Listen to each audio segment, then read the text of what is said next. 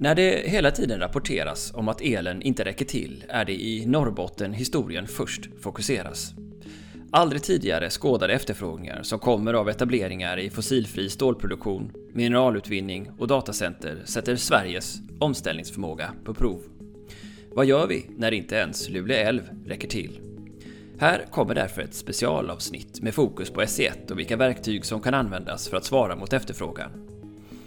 Med mig för att förstå frågorna har jag en nestor i branschen, Mats Brännström, som förutom att ha varit produktionsdirektör för Vattenfalls vattenkraftsverksamhet i många år, även tidigare varit ansvarig för Vattenfalls projekt och underhållsplanering inom eldistribution.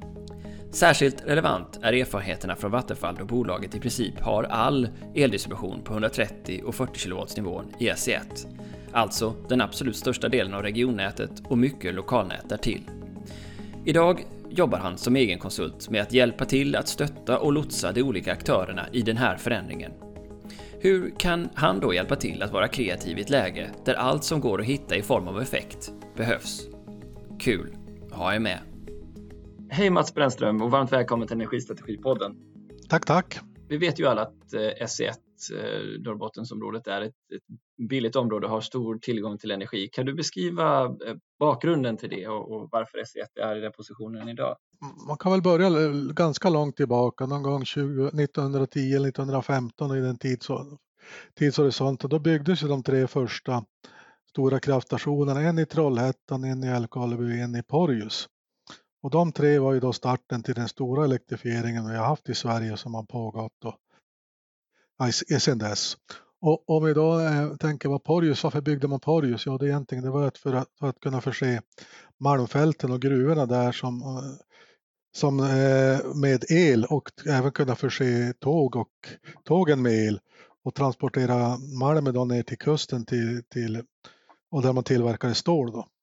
Så att, och det här då, älven har ju då som sagt, Luleälven har ju sen successivt byggts ut och, och blivit en väldigt stor, stor älv med mycket kraft i. Och det har då inneburit också att man har fått en väldigt kraftig, eh, ett väldigt, väldigt kraftnät eh, runt älven då med mycket 400 kV-ledningar och många och stabila 130 kV-ledningar också. Så att det blir ett väldigt, väldigt kraftigt nät där. Och sen historiskt har ju då funnits ett antal basindustrier i form av, som jag nämnde då, gruvindustrierna uppe i Malmfälten. Där har vi även Aitiks eh, koppar och guldgruva. Eh, ner mot kusten har vi pappersindustrier, flera stycken och sen har vi SSABs stora eh, stålverk också. Så att där, där har det då funnits då kopplingar att en stark älv med, med ett antal flera stora basindustrier som har haft ett väldigt bra då, samarbete där. Och sen har det här blivit då att, att eh, produktionen har ju vida överstigit då, den elanvändning man har i området. Så det exporteras väldigt mycket el hit. Dels till, både till Finland men även söderut ner mot prisområde 2 och söderut mot Sverige också.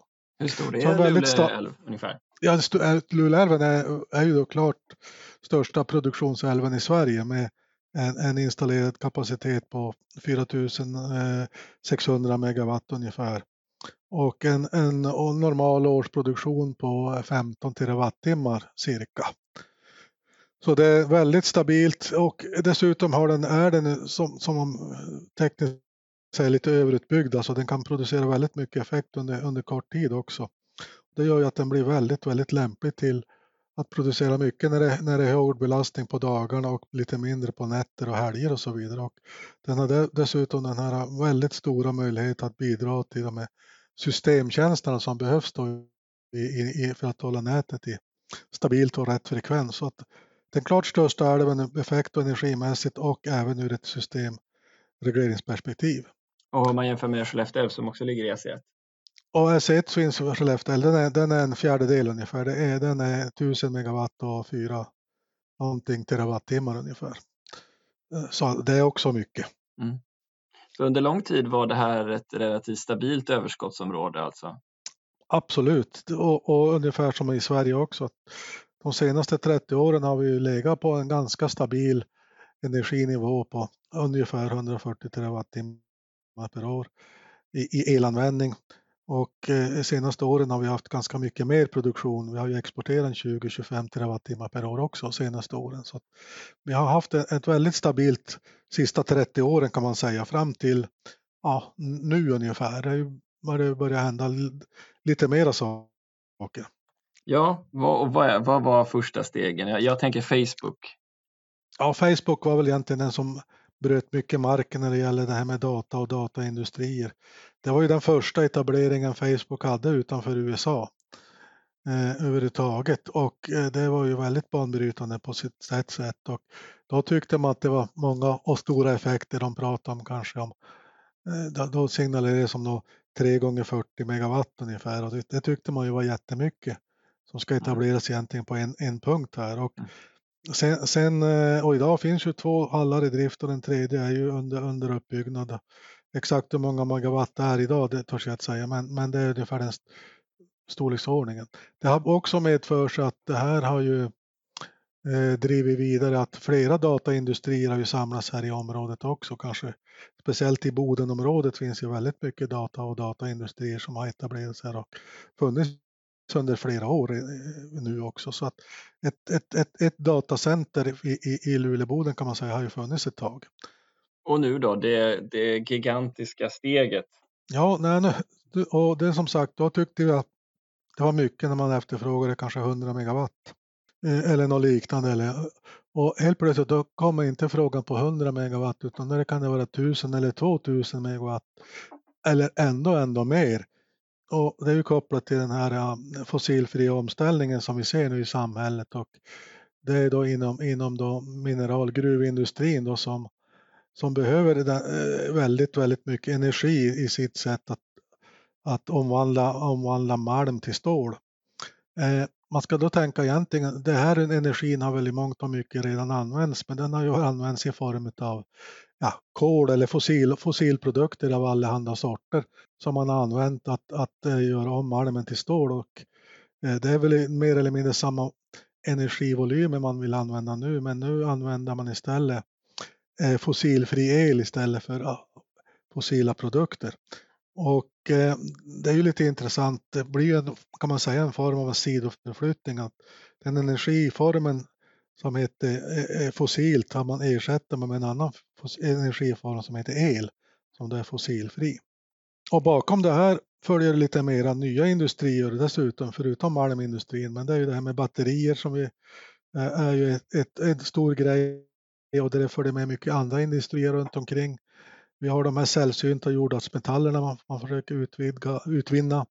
Eh, det finns andra tankar runt det med vätgas att kunna göra både ammoniak och eh, eh gödsel och andra produkter. Så det, det, andra intressanta produkter man har det är ju också det här med talga eh, som, byt, som bryter grafit i, uppe i, i norra i, i Vittangi utanför Kiruna och transporterar till Luleå för att rena av det här och göra det här då till batterimaterial som används inom batteriindustrin.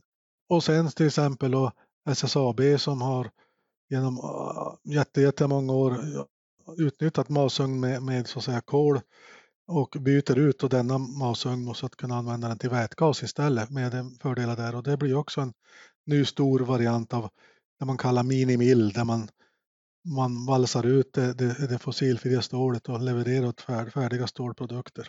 Ungefär som H2 Green också gör som de gör ju nästan från ax till limpa, köper malm och levererar en utvalsad färdig produkt redo för att använda i en bilfabrik eller plåtfabrik eller vad det är. Färdig och färdig utbehandlad och klar. Ja, när eh, SVK gick ut i våras med eh, sin utbyggnadsplan på drygt 8 miljarder och 8,4 miljarder så eh, berättade man att man skulle genom den kunna frigöra ytterligare 2000 megawatt eh, om framåt 2028 någonstans om jag kommer ihåg rätt. Men vad hände med det? Var det tillräckligt och hur togs det emot? Ja, nej, men det, det, det var ju SVK som via, fick finansiering via regeringen här ganska nyligen på 8,4 miljarder för det här. Det är ett paket som kallas Fossilfritt övre Norrland, förkortas då FÖN, som berör då kust, kustregionen i, i Norrbotten och Västerbotten. Eh, ett stort paket på 8,4 miljarder som skulle så att säga etablera eller till, tillgängliggöra 2000 megawatt till då. Och här, det här var ju då det klart största paket SVK någonsin har kunnat leverera på ett svep så här. Och dessutom skulle man leverera det här då på eh, rekordsnabb tid, alltså på halva tiden mot vad det normalt brukar ta. Istället för 12 till 15 år skulle man göra det här på 6-7 år. Och det här var ju revolutionerande och eh, helt, helt nytt utifrån SVKs perspektiv. Men intressanta i sammanhanget, det var det, hur det motstods mera på massmedialt, det var ju att nej men det här är för lite, industrierna kommer inte kunna etablera sig och så vidare. Och så vidare. Så att det, var, det var ju lite, lite, lite spektakulärt hur det andemeningen var och hur det uppfattas då rent generellt. Hur mycket behövs? Ja, det är bara att tänka så här om vi då eh, om vi pratar, börjar prata energivolymer då att eh, prisområde 1 har en, en, en elanvändning med så att säga både den civila och industrin som finns där på i storleksordning 10 terawattimmar per år. Eh, I, i när, när alla dessa nya dat, dessa industrier är etablerade så förväntas den vara ungefär faktor 10, alltså från 10 till 100 terawattimmar per år är den troliga elanvändningen i de här industrierna om ja, 20-25 år. Och det är klart att 100 terawattimmar är jämföra med Sveriges idag ungefärliga elanvändning på 140 terawattimmar per år. Så det är ju enormt mycket bara i norra Sverige och ja, det finns ju lite utredningar om man pratar mera effekt. Eh, SVK som har i, i de säger att de är i utredningsfasen nu tittar man på Sverige-nivå på 10 000 nya megawatt för, in, för industrietableringar. Av de 10 000 så är 8 000 i, i prisområde 1 och 1000 megawatt i prisområde 2, 1000 megawatt i prisområde 3 och 0 i 4. Och, och, det visar ju också vilken väldigt stor fokus det är i norr. Och det, det här pratar vi då om, om det vi kallar eh, det som är utredningsfas. Tittar man då i tiden bortom det, är lite längre fram i tiden vad som kan komma bortom SVKs utredningsfas så förväntar sig bli lika mycket till nästan i uppåt en 15, terawatt, nej, 15 000 eh, megawattimmar till i, i, i prisområde 1 framåt 2045. Så att det är ju enormt stora nivåer vi pratar om. Om jag för eh, tio år sedan hade sagt till dig att om, om tio år så sitter du och pratar om ett eh, långsiktigt effektbehov på 15 000 megawatt i eh, SE1. Vad hade du sagt då? Ja, då har jag nog funderat. att, hur var det här för konstig kille? Nej, men alltså det, det, det fanns ju inte i fantasin. Det är bara backa bandet ett eller två år tillbaka så, så fanns ju inte här utan det, det, det var i samband med LKAB, eh, Green Steel och de här eh, industrierna började prata om att tillverka vätgas så som, och byta ut det fossila mot, mot väte då, med allt vad det innebär i, i miljöförbättringar. Det börjar helt börja komma de här siffrorna och det är, ju, det är ju väldigt nyligt. Det är inte många år sedan vi i taget hade en aning om det här, de, de flesta av oss. Så att svar nej, jag skulle, ha blivit, jag skulle inte ha trott på dig om du har sagt det för två, tre år sedan. att jag var galen kanske. Men eh, vad är det som gör då att behovet av, av grön och cirkulära material och produkter, vad är det som gör att eh, man vågar eh, ta de här stora investeringarna? Ja, det, det är naturligtvis att eh, man måste göra någonting för att komma bort ifrån det fossila. Med, med tanke på att för allt, allt som blir fossilt kommer ju säkert att bli dyrare och straffbeskattas och så vidare. och så vidare. Men en annan stor grej som då berör mycket det här med stål, det fossilfria stålet, det är ju att LKAB som ett gammalt bolag som har funnits långt över 100 år och producerat enormt mycket malm genom åren eh, eh, och varit enormt viktigt för Sverige och hela Europa.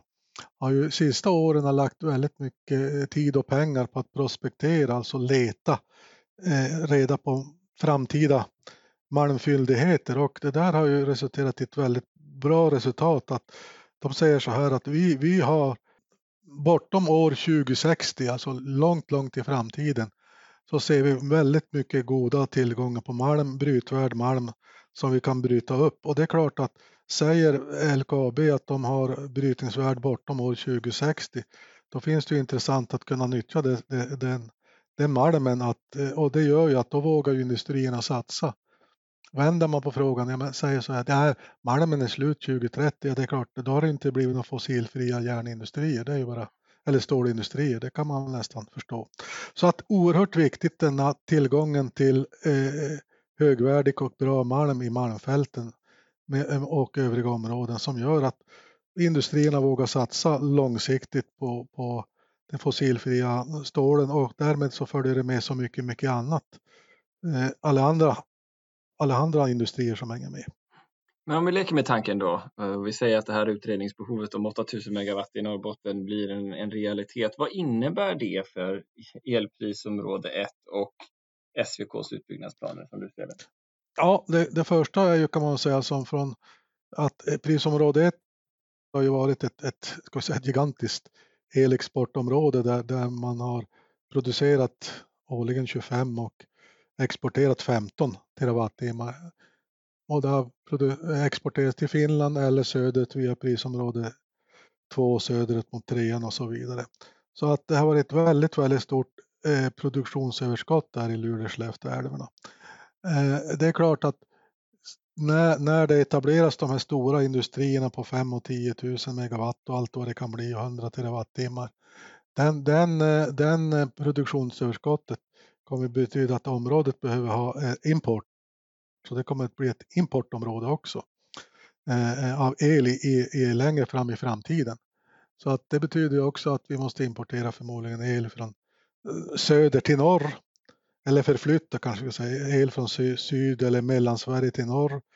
Eh, sannolikt från importera mer el från, från Norge och kanske en av de stora exportområdena har ju tidigare mot Finland att vi kanske blir mindre export från Finland. Det kanske till och med blir med att vi importerar från Finland också, det får vi se. Samtidigt som naturligtvis eh, det borde bli mera produktion i form av vad vi känner till idag, främst vindkraft till land och till hav. Men det blir ju helt annat, ett helt annat förhållande som man kan sammanfatta det från ett stort elexportområde till ett stort elimportområde. Men jag menar bara det att eh, Finlands elprisområde har ju legat mycket närmare prissättning SE3 än, mm. än något annat och, och, skulle det bli en import från Finland och då vill säga att man importerar med de priserna, det blir ju en radikal skillnad för prissättningen för SE1 i så fall. Sen har det ju, händer det ju mycket i Finland dels den här stora Olkiluoto 3 den som har varit ganska många år försenad är ju på väg och är driftas nu och det gör ju ett stort tillskott på den finska marknaden också och i Finland bygger man väldigt mycket vindkraft så att med, med, med de sakerna tillhanda tillsammans så kommer väl Finland att bli betydligt, betydligt mera självförsörjande i, i den aspekten och därav mindre importbehov. Mm. Och det gör ju att det kan bli mera el, el kvar så att säga i, den norra regionen är prisområde 1. Vad behöver vi göra då? Vad, behöver, vad, vad behövs från, eh, från stamnätsägarens sida och regionnätsägarna? Ja, det, det är naturligtvis så, så eh, måste man ju se till att, att se till att man får genomföra de här byggnationerna. Och steg ett är att bygga den här det vi kallar 8,4 miljarder eller fossilfritt övre Norrland. Att, att stärka upp det steg ett eh, i, i kustområdet. Det behöver naturligtvis byggas även upp mot eh, mot, mot eh, Malmfälten upp till Gällivare i Vitåfors där, där Hybrid tar sin demoanläggning. Det blir nya, nya Nya 400-kilovoltsledningar som går upp dit och successivt så behöver man bygga upp också mot Kirunaområdet och kanske knyta in någon ny ledning från, kan jag tycka i alla fall, någon ny ledning från Norge med någon havsbaserad vindkraft som kan mata in i norra Sverige. Det skulle vara jättebra. Eh, så att det behöver absolut byggas de här stora, stora stegen också, rent fysisk utbyggnad. Men sen tror jag man kan göra eh, eh mycket mer också. För, förutom de stora stegen som behöver göras så finns det faktiskt lite mer att göra. Som vad då? Ja, det är så här att tittar vi nu på hur, hur vi utnyttjar vårt elnät generellt idag i de allra, allra flesta områdena i Sverige så så har vi en, kanske en utnyttjad nätkapaciteten till, till 50 procent eller något liknande. Eh, genom att vi har ett abonnemang till exempel någonstans. Eh, det är någon enstaka topp, eh, oftast under den kalla delen av året. Men under väldigt, väldigt många timmar under året så ligger vi långt, långt under det där. Så att där finns ju egentligen väldigt stor outnyttjad kapacitet, av nätets kapacitet som man skulle kunna nyttja mycket, mycket mer. Hur stor är det? Alltså jag tänker ja. exemplet här då, så säg att vi är en stor konsument och jag har 50 megawatt i abonnemang och så säger du att jag kommer bara upp i 50 megawatt, en ytterst liten del av årets mm. alla timmar. Är det så det du menar? Ja, vi kan, vi, vi kan väl säga så här, typ om man har ett större energibolag 50 000, 100 000 kunder eller 30 000 kunder. Då kan man tänka sig, där har man ett, ett, en toppabonnemang som tangeras eller ibland, man brukar ibland lägga en liten marginal också för att inte, för att inte åka på några straffavgifter. Eh, det är ju väldigt sällan man är på toppnivåerna och det är enstaka timmar eller något liknande. Men sen under väldigt många timmar under både eh, eh, eh, övriga tiden och speciellt då kanske de åtta, åtta månader som inte är jättekalla, då ligger man ju långt, långt ifrån maxbelastningen i ett sånt, i sådana kommunala områden och eller där, där, vi så att säga har en, en last som är kopplad ganska mycket mot temperaturen och det är ju jättemycket sånt vi har i Sverige så där finns ju väldigt mycket och det är nog halva, halva utrymmet går att utnyttja en gång till egentligen, rent teoretiskt. Hur får vi tillgång till det? Ja, det är klart att har, har du då eh, en last som är eh, lätt att reglera Eh, då skulle man ju kunna nyttja den, att, att använda den och kunna ha den av och påslag. Och då visar det sig också att mycket av de här nya, nya ska vi kalla dem nya moderna industrierna som är, använder i, i vätgas i, i, olika former, de har faktiskt en väldigt stor förmåga att kunna eh, reglera och ganska snabbt då, beroende på vilken teknik man använder. Så det betyder att man kan alltså anamma tider när det finns utrymme i ett nät att eh, använda mer el och kanske under tiden när det kan bli trångt att då får man eh, eh an, så att säga, minska sin elanvändning. Och det där är ju det är egentligen det det handlar om det överhuvudtaget. Det är ju att ska vi klara av de här framtida stora nivåerna med dels mycket vindkraft och dels mycket eh, elanvändning så är ju flexibilitet en oerhört viktig del egentligen. Det är nyckeln till framgång. Det att kunna vara flexibel både på produktionssidan, på nätsidan och på konsumentsidan, på elanvändningssidan. Så mer dynamiska abonnemang alltså? Mer dynamiska abonnemang och där finns det ju fantastiskt stora möjligheter också. Att, säg att du har ett dynamiskt abonnemang, att du har den här möjligheten att snabbt kunna reglera ner din last och då pratar vi kanske inte enstaka megawatt utan vi pratar kanske om flera, flera hundra megawatt som skulle vara helt teoretiskt möjligt att göra. Då kan man ju tänka sig också att, att har man så, då kan man ju eh, dessutom lasta på nätet lite, lite extra utan större problem. För att vi har ju när vi, de flesta näten, eller egentligen alla nät har ju någon sorts eh, reservkapacitet, redundans. Eh, större områden eller samhällen eller industrier, de har ju ofta mer än en ledning. De kan ha två, tre eller fyra ledningar som leder dit och då får man det här man kallar ett n minus 1 kriterium. Att att man ska alltid kunna klara frånfallet av en ledning av de andra som har, är kvar ska kunna klara av det där eh, resterande även på den, på den sämsta tillfället under året, kallaste tillfället. Då.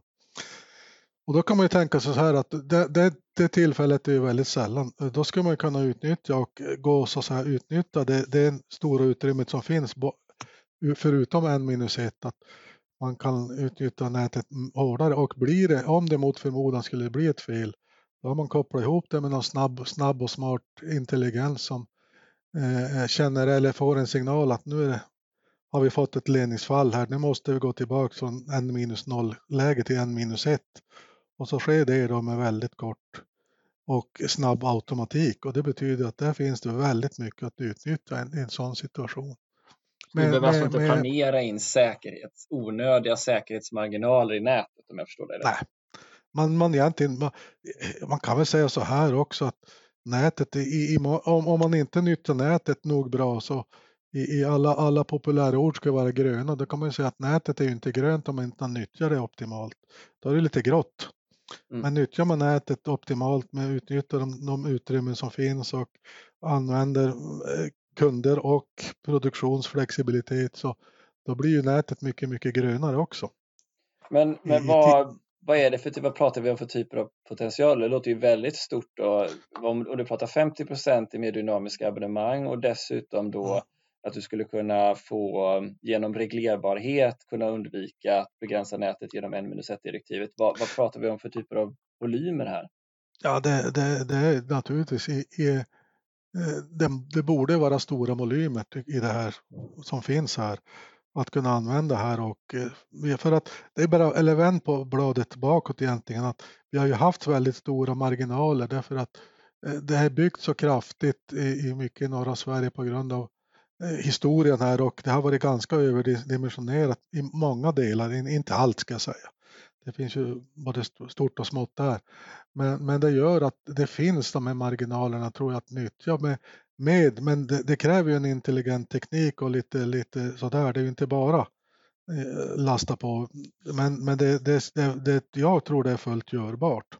Det skulle kunna vara flera hundra megawatt? Eller? Absolut, absolut pratar vi om det. Det tror jag. Åtskilliga hundra megawatt, det tror jag. Och, och en annan grej som man kan tänka också, det är ju det här med att Eh, många, eller de flesta, eh, nu pratar vi luftledning, inte det som går i mark, utan luftledning och då pratar vi de högre spänningarna. 400-130 kilovolt. De är ju ofta dimensionerade ur, ur ett eh, eh kriterium att det är väldigt varmt, alltså typ 30 grader i, i plus och väldigt lite vind. Eh, för sådana här ledningar de, de eh, kan ju kylas väldigt bra av både vind och kalla temperaturer och med, med en, en kall blåsande vind så eh, ökar ju så att säga kapacitet på elnätet ganska mycket. Och det här har man naturligtvis till viss del nyttjat utifrån ett erfarenhetsperspektiv i tillfällen, ja vintertid när man vet att kapaciteten är högre och så vidare. Men man kanske skulle försöka förfina den möjligheten och göra mera verklighetsnära den och ha lite realtid på det där. En annan uh, intressant aspekt är att man skulle kunna uh, tänka hur, hur uh, eh, använda den kylning som finns av luftledningar som man normalt inte använder. Det är så att säga, när man dimensionerar luftledningarna på de högre spänningsnivåerna här, eh, då utgår man från 30 grader varmt och väldigt lite vind. Och i området i norr så är det väldigt sällan det är 30 grader varmt. Det är inte många timmar per år utan medeltemperaturen är betydligt, betydligt lägre.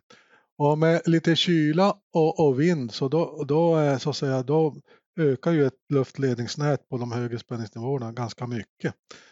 Och eh, har man då lite, lite bra koll på det där med någon smart övervakning då skulle man kunna nyttja den ökade kapaciteten också att överföra mer effekt på, på elnätet. Eh, eh, och det här har man nog gjort i viss del av mera på erfarenhetsmässiga grunder att man vet att på vintern är det kallt och då kan vi belasta ledningarna hårdare och så vidare. Men det här tänker jag mig mer en förfinad eh, variant där man har en eh, bra koll på både kyleffekter och effekter och hela köret. Så att man kan med, med god säkerhet nyttja det här på ett väldigt bra sätt. Och det här riskerar jag... man inte få spänningsfall då? Ja, nej men naturligtvis som alltid finns det ju det vi kallar randvillkor. Eh, det går ju, någonstans så finns det ju tak. Taket kan ju vara dels så att säga, en av de grundläggande taken är att en elledningstemperatur får inte bli för varm om det är då 70 grader eller något liknande.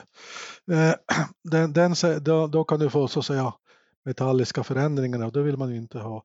Sen kan du ha den, det vi kan kalla mer hårdvara, alltså apparater. Jag menar, frånskiljare eller strömtransformatorer eller vanliga transformatorer eller strömbrytare kanske inte klarar av hur mycket effekt som helst eller eh, kortslutningseffekten kan ju bli också för hög. Och sen naturligtvis det som kanske också är ganska vanligt om man överför mer och mer effekt så, så får ju den följden att spänningen sjunker så man kan ju i, i, i sämsta fallet få en så kallad spänningskollaps. Att spänningen blir för lågt, ja, då, sjunk, då ökar lasten på andra ställen och då sjunker den ännu mer. Då får man en sån där spiralformad sak som, som gör att det, det blir så att säga en spänningskollaps till slut. Och det måste man naturligtvis ha självklart koll på här. Men det här är så pass intressant tycker jag. Dessutom har man ju tänkt att det här eh, är ju ett sätt att dels på ett väldigt billigt sätt köpa tid, att man kan nyttja ledningarna hårdare man kanske till och med industrierna kan etablera sig i förtid eller fler industrier kan etablera sig. Och eh, det här är ju ändå i sammanhanget det kostar ju pengar naturligtvis men, men i realiteten jämför man med att bygga några kilometer eh, eh, högspänningsledning så är det inte många kilometer vi pratar om för att etablera en sån här funktion tror jag. Det är väldigt lite. Men, men det, det ersätter inte den fysiska utbyggnaden men det är ett väldigt bra sätt att köpa tid, öka kapacitet och det kan ju även användas efter man har ökat den fysiska kapaciteten så kan man öka en gång till där också. Säg att det skulle vara flera hundra megawatt som finns tillgängliggöra mm. genom då dels att ha dynamiska abonnemang och hantera en minus direktivet annorlunda och också eh, titta på hur mycket kapacitet som, som de facto kan finnas i nätet med hänsyn tagen till, till temperatur och, och, och vind. Mm. Eh, vad är det som krävs för att eh, få till stånd en förändring här? Ja, det här måste ju naturligtvis då genomlysas ordentligt och, och eh, eh, säkerställa att man kan göra det här på ett säkert sätt. Så att jag kan tänka mig att man behöver göra det i någon sorts, eh, först no, no, någon demo, parallellköra eller något liknande och kunna jämföra med det här då så för att sen då kunna införa det här. Men det borde man kunna göra under, under, under något eller några år kanske. Mm. Och, och, och eh, i sammanhanget, det är ju, jag tror att det är i alla fall betydligt snabbare än att starta och bygga fysiska ledningar. Är det SVKs regelverk som då behöver förändras? Ja, det är klart att det är så här att det här kan nog gälla för alla, både så att säga regionens ägare och för, för, för eh, transmissionsägare, eh, såväl i Sverige och andra länder. Men, men, men det är ju klart att det, det, är den som ligger först i bräschen, det är ju Svenska kraftnät naturligtvis och de är ju den som är normgivande i sådana här sammanhang så att det är väl eh, förhoppningsvis att de kan använda och göra i, i, i alla, alla de olika delar de jobbar med så det här kan ju vara en väldigt intressant del. Eh, men om vi eh, kopplar tillbaka till den frågan som vi började med som handlar om utbyggnaden. Hur, mm för, för, det är uppenbart när vi lyssnar på diskussionen med SSAB att eh, de behöver mer och de behöver snabbare tillgång till, till ny effekt för att kunna driva sin omställning. Hur mycket, så att säga, kanske är en svår fråga att svara på, men borde SVK investera i SE1 givet eh, det du berättar om, eh, om efterfrågan? Ja, det, är, det där är en intressant fråga där. Att det, ska man använda eh, 10 eller 100 terawattimmar mera el så måste man ju tillföra motsvarande, eh, motsvarande lika mycket el. Och el, el används ju samtidigt, produceras i samma ögonblick som man använder den. Eh, rent, rent eh, tekniskt. Och eh, vi behöver ju mera produktion här i, i, i, Sverige helt klart ska vi möta upp till de här alltså, enormt stora om, få, omställningarna vi gör för att göra, göra oss fossilfria och nyttja de här nya teknikområdena, inklusive elbilar och allt. Då måste vi tillföra mer produktion naturligtvis. Och då, det som då står till hans kanske närmast utifrån det vi, det vi då vet i, i någon sorts halvsäkerhet är väl att vindkraften är väl den som ligger närmast till hands då som är i sammanhanget ganska snabb, kunna bygga ut eh, och eh, gör ett, ett ganska stort tillskott. Eh, och, den, och speciellt kanske om vi tänker på den havsbaserade som kanske kan, är egentligen ur ett, ur ett eh, tillförselperspektiv kanske ändå mer intressant för att det blåser ju mera på havet än det blåser på land och, och stabilare och eh, högre, högre vindstyrkor och stabilare. Så att det betyder att havsbaserad produktion ger ju då mera effekt eller rättare sagt mera energi över tid också. Så att dessutom finns ju väldigt stora tankar och planer på det. Jag vet att det finns väl olika sammanställningar men i, runt Sverige finns ju planer på gigantiskt stora volymer med havsbaserad vindkraft. Vi pratar om alltså plus 100 000 megawatt, alltså mer än 100 000 megawatt som finns i någon sorts plan. Eh, huruvida allt blir verklighet, det, det, vet vi men om hälften blir mycket, då är det ju ändå enormt, enormt mycket. Vad tror du det finns för eh, folkligt stöd för utbyggnad av nyproduktion i Norrbotten? Det, det blir, i mångt och mycket eh, eh, utnyttjad och det, det, det klassiska Not in my backyard, det är nog inte bara i norra Sverige, det är nog kanske ändå mer utpräglat kanske i södra Sverige efter vad man har förstått eh, avslagen på kommunala veton som är ändå, ändå högre ju längre söderut man kommer. Att eh, det, är ju, det är ju en svår fråga det här att acceptera det här Not in my backyard. Men, men det handlar väl mer också att eh, det andra engelska eh, uttrycket What's in it for me? Vad kan kommunen få ut av det här eller de närboende i, i, i, i direkt eller kanske indirekt form. Och då, det finns ju några intressanta exempel hur man i Norge då kan ha gjort det för att när man eh, etablerar ny produktion så säger ger en koppling till området i, i, form av kommunen eller liknande som då, då kan användas i, i, i den, den, kommunala verksamheten med skolor och badhus och allt vad det kan vara. Så jag tror att eh, det handlar om att kunna ge tillbaka. Eh, jag menar för, för 50 och 100 år sedan när man byggde ut då kanske inte var riktigt samma inställning som det är idag. Eh, utan det är ju, det är ju nya tider och nya, nya möjligheter nu så att man måste nog tänka sig att ha återkopplingar och ge tillbaks någonting där man gör någonting i, i, i goda former. Och jag tror att kommunerna är väldigt viktiga i de sammanhanget. Vad skulle du säga är det viktigaste eh, att lösa för att kunna realisera alla de här investeringsplanerna som finns? Ja, det var ju en, nästan en Nobel, Nobelfråga det där. Nej, men alltså det, det är väldigt många delar, men, men det är ju fortfarande att den knut, stora knutpunkten för att komma igång det är att, att det finns tillgång på el. Blir det, finns ingen tillgång på el och effekt, ja, då blir det ingenting av industrilösningar. Så att elen är ju oerhört viktig. Sen har vi en gigantisk fråga att lösa kompetensen till de som ska jobba där också. Det är ju idag är det inte lätt att få arbetskraft och det här pratar vi kanske eh, tiotusentals människor och så vidare. Så att det är väl en kombination. Du måste först ha en, en höna när du får ut ett ägg. Den klassiska, vem kom först? Men elen måste komma först innan du kan etablera någonting. Så att jag ser, jag ser det också. Det, den är ju, och det är så här att industrierna har ju alltid ett tidsfönster. Och ett tidsfönster att vi har en lucka nu och de kommande fyra åren, då kan vi etablera oss på marknaden och få en marknadsfördel och därför vill vi göra det nu är, är det här aktuellt om 15 år, då är vi inte intresserade. Så det handlar mycket om att kunna tillgodose industrin eller marknadens skyltfönster där. Du Mats, tack så hemskt mycket för att du var med i Energistrategipodden. Stort tack till dig själv Niklas. Trevligt att få prata med dig. Det här var Energistrategipoddens sista avsnitt för säsongen. Vi är tillbaka med den sjätte säsongen av podden i augusti-september igen.